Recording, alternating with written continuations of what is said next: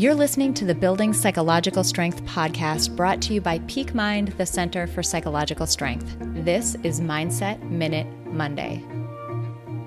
The Danish word hygge means to acknowledge a special feeling or moment. It's a practice whereby you use small touches, a candle, a soft sweater, coffee with friends, to intentionally cultivate a feeling of warmth and coziness in your life. This practice highlights how small changes can add up to a meaningful difference in your life experience.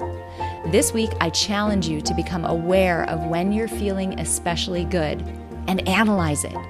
Who's there? What are you doing? What's your environment like? Take note and try to intentionally inject these small elements into other situations to see if you can ever so slightly elevate the way that you're feeling.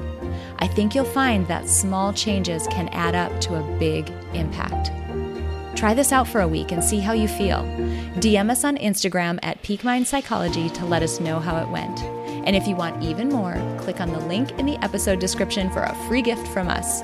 If you benefit from our content, please drop us a rating and a review on iTunes and do share this with others who might find it valuable. We'll see you next week for another Mindset Minute Monday.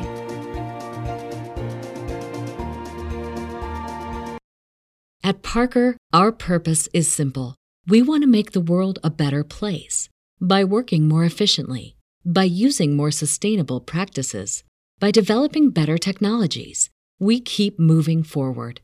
With each new idea, innovation, and partnership, we're one step closer to fulfilling our purpose every single day. To find out more, visit parker.com/purpose.